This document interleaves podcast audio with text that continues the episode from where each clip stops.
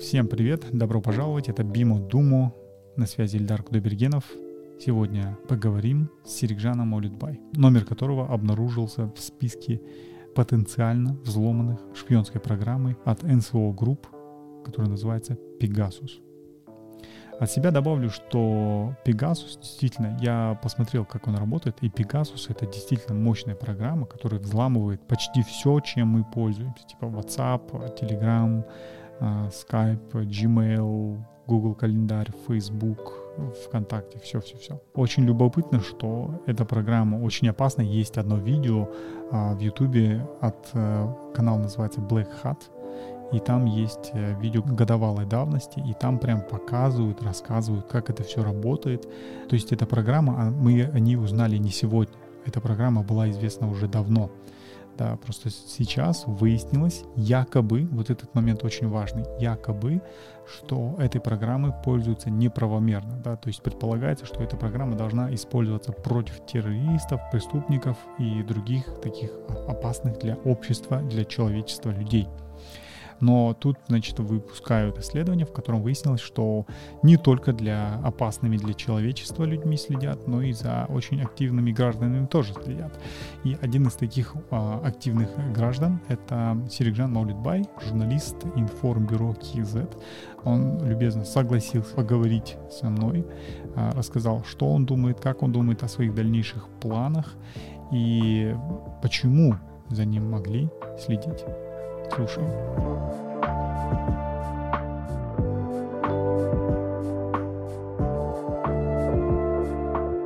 Спасибо, что согласились. А, зовут меня Ильдар Кудайбергенов, и мы сейчас э, записываем подкаст Be More, Do More. Будь больше, делай больше, да, вот в этом моменте. Почему я связался именно к вам, а не к специалистам по кибербезопасности? Потому что вы в центре событий. Вы сейчас непременно вот участвуете в этом процессе, поэтому мне хотелось задать вам пару вопросов, узнать ваше мнение, дальнейшие, может быть, шаги. Ну, давайте попробуем. Каково это? Ну, вы понимаете, не абы за кем следят. Каково это быть в наблюдении? Честно, никаких э, эмоций нет, потому что я ожидал, э, что слежка э, может быть за мной, и как бы просто получил подтверждение. Но, но опять же утверждать о том, что действительно велась слежка за мной и прослушивались мои телефоны, взламывались, э, пока еще рано, поскольку э, Поскольку сами же э, исследователи говорят о том, что могли стать мишенью шпионской программы, а могли не стать. То есть они просто предполагают, что именно эти люди были, э, были, они говорят о том, что эти люди были в списке, и, а, возможно, их прослушивали. То есть утверждений и доказать 100%, что меня прослушивали, нет. Ну да, там просто говорится о том, что вы и еще несколько людей, в том числе чиновники, попали в этот список, но конкретных доказательств нет. Как вы думаете, почему вас могли слушать или просматривать? Там же много всяких фу- функций было, и фото можно было видеть, и все что угодно там можно делать.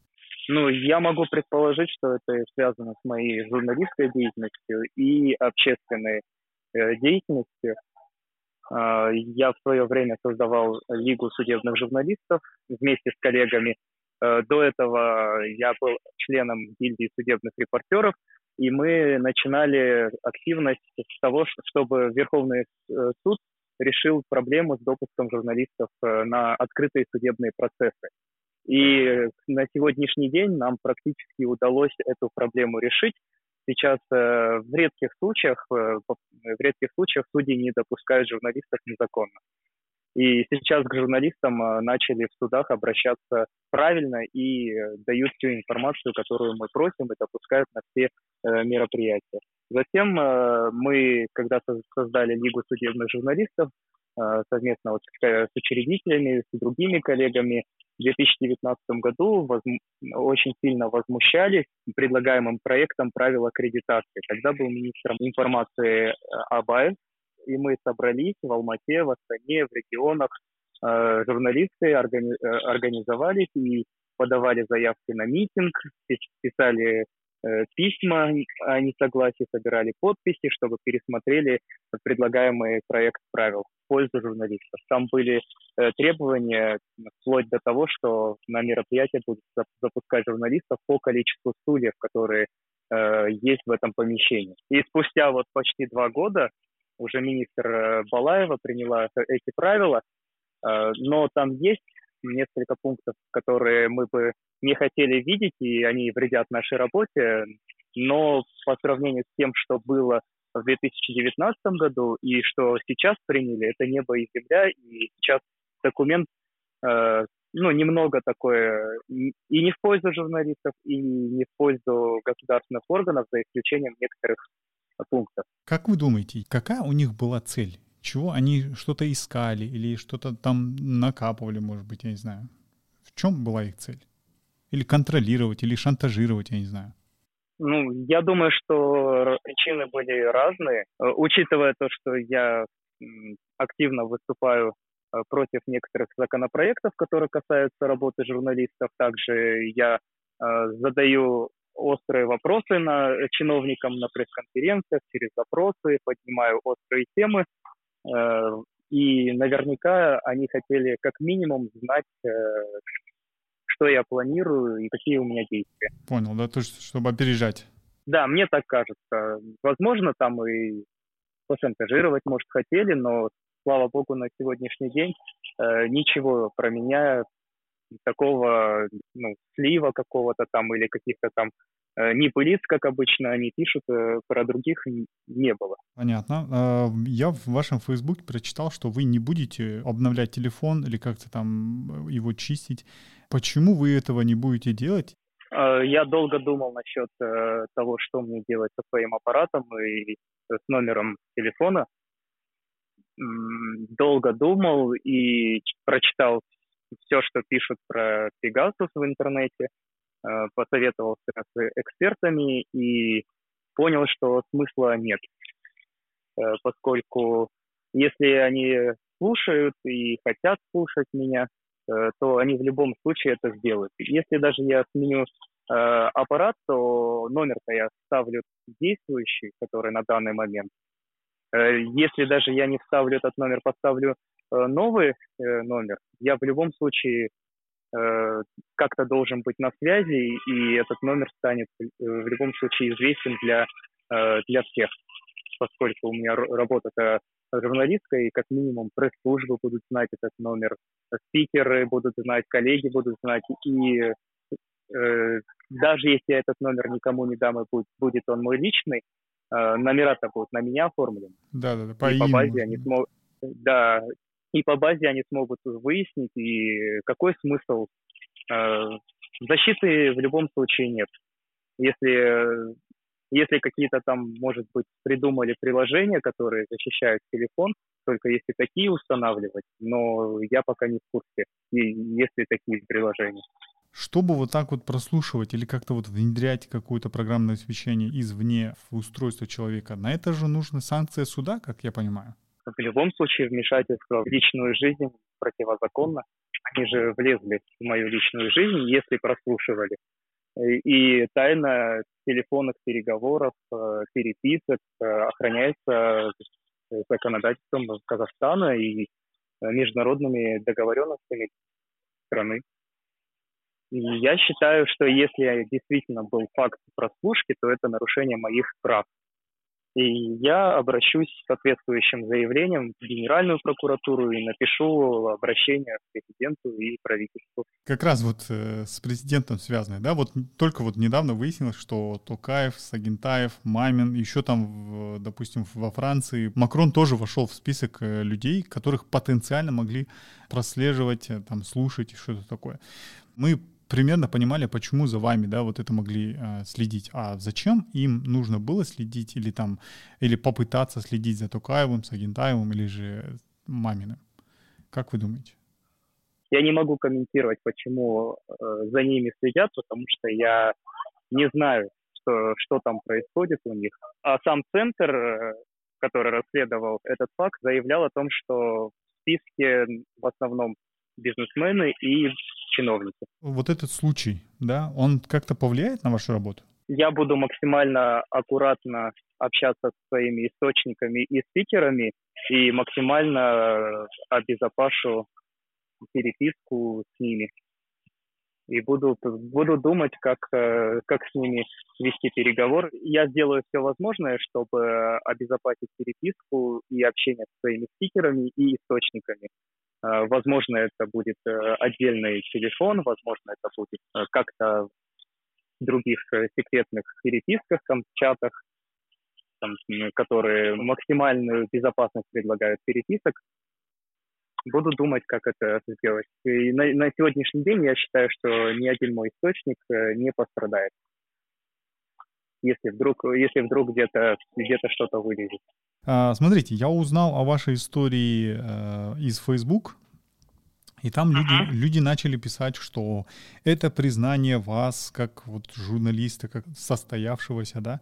Как вы считаете, это действительно признание вас? Как вы относитесь к таким комментариям?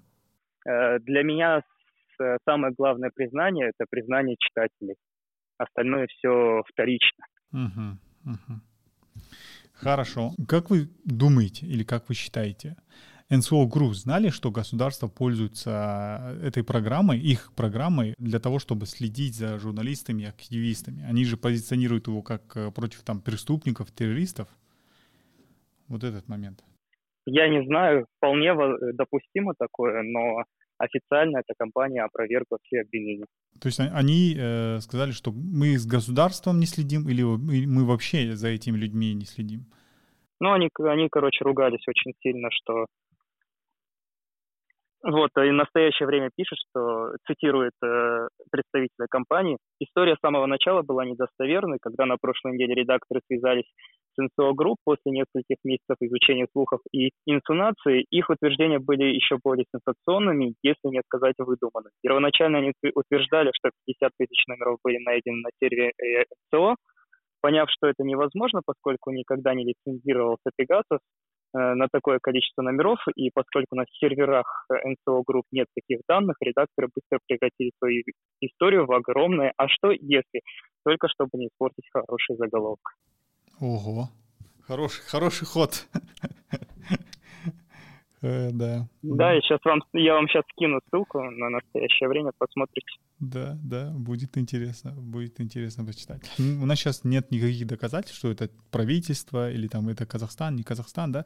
Могло ли это быть другое государство или же какая-нибудь организация, которая вот пользовалась услугами НСО групп? Вы правы, что сейчас нет никаких доказательств того, что прослушивал именно Казахстан и именно власти Казахстана. Но наши коллеги из центра не говорят точно, кто мог прослушивать, зачем прослушивают и кто был заказчиком, поэтому утверждать, э, что это Казахстан прослушивал, или там какая-то частная компания заказала, или же это другое государство э, делало, ну, невозможно. Так же, как и подтвердить, что э, это расследование журналистов действительно правда. А, так даже, да? Я вас понял. Ну, нет же, нет же доказательств. Они же просто опубликовали свое расследование, и, и ссылаясь на свои там какие-то источники и, и свои данные.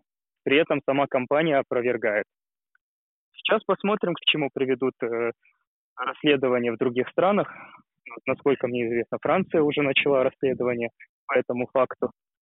Посмотрим, к чему они Э, придут. Но от властей Казахстана вот на текущее время реакции не было. Хорошо, я вас понял. Я так полагаю, что все актуальные новости будут появляться на информбюро КИЗ и в вашем телеграм-канале. Да, все верно. Сигжан, большое, большое вам спасибо, что уделили время, рассказали, поделились. Это был подкаст Бимо Думо. Я Эльдар Кутабергенов. Всем до связи. Хорошо, спасибо, на да, связи. Давайте, до связи, до свидания. До свидания.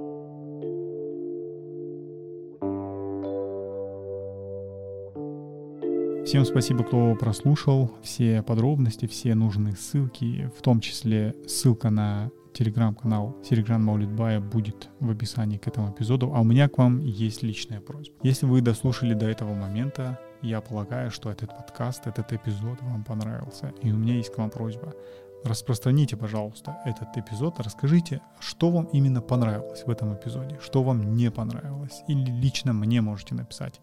И вообще будет э, очень классно, если вы сейчас зайдете в Apple Podcasts и поставите 5 звезд этому подкасту, вот этому новому формату, и я буду радовать вас вот этим самым форматом, буду делиться с вами новой и актуальной информацией. Услышимся в следующих эпизодах. Всем пока!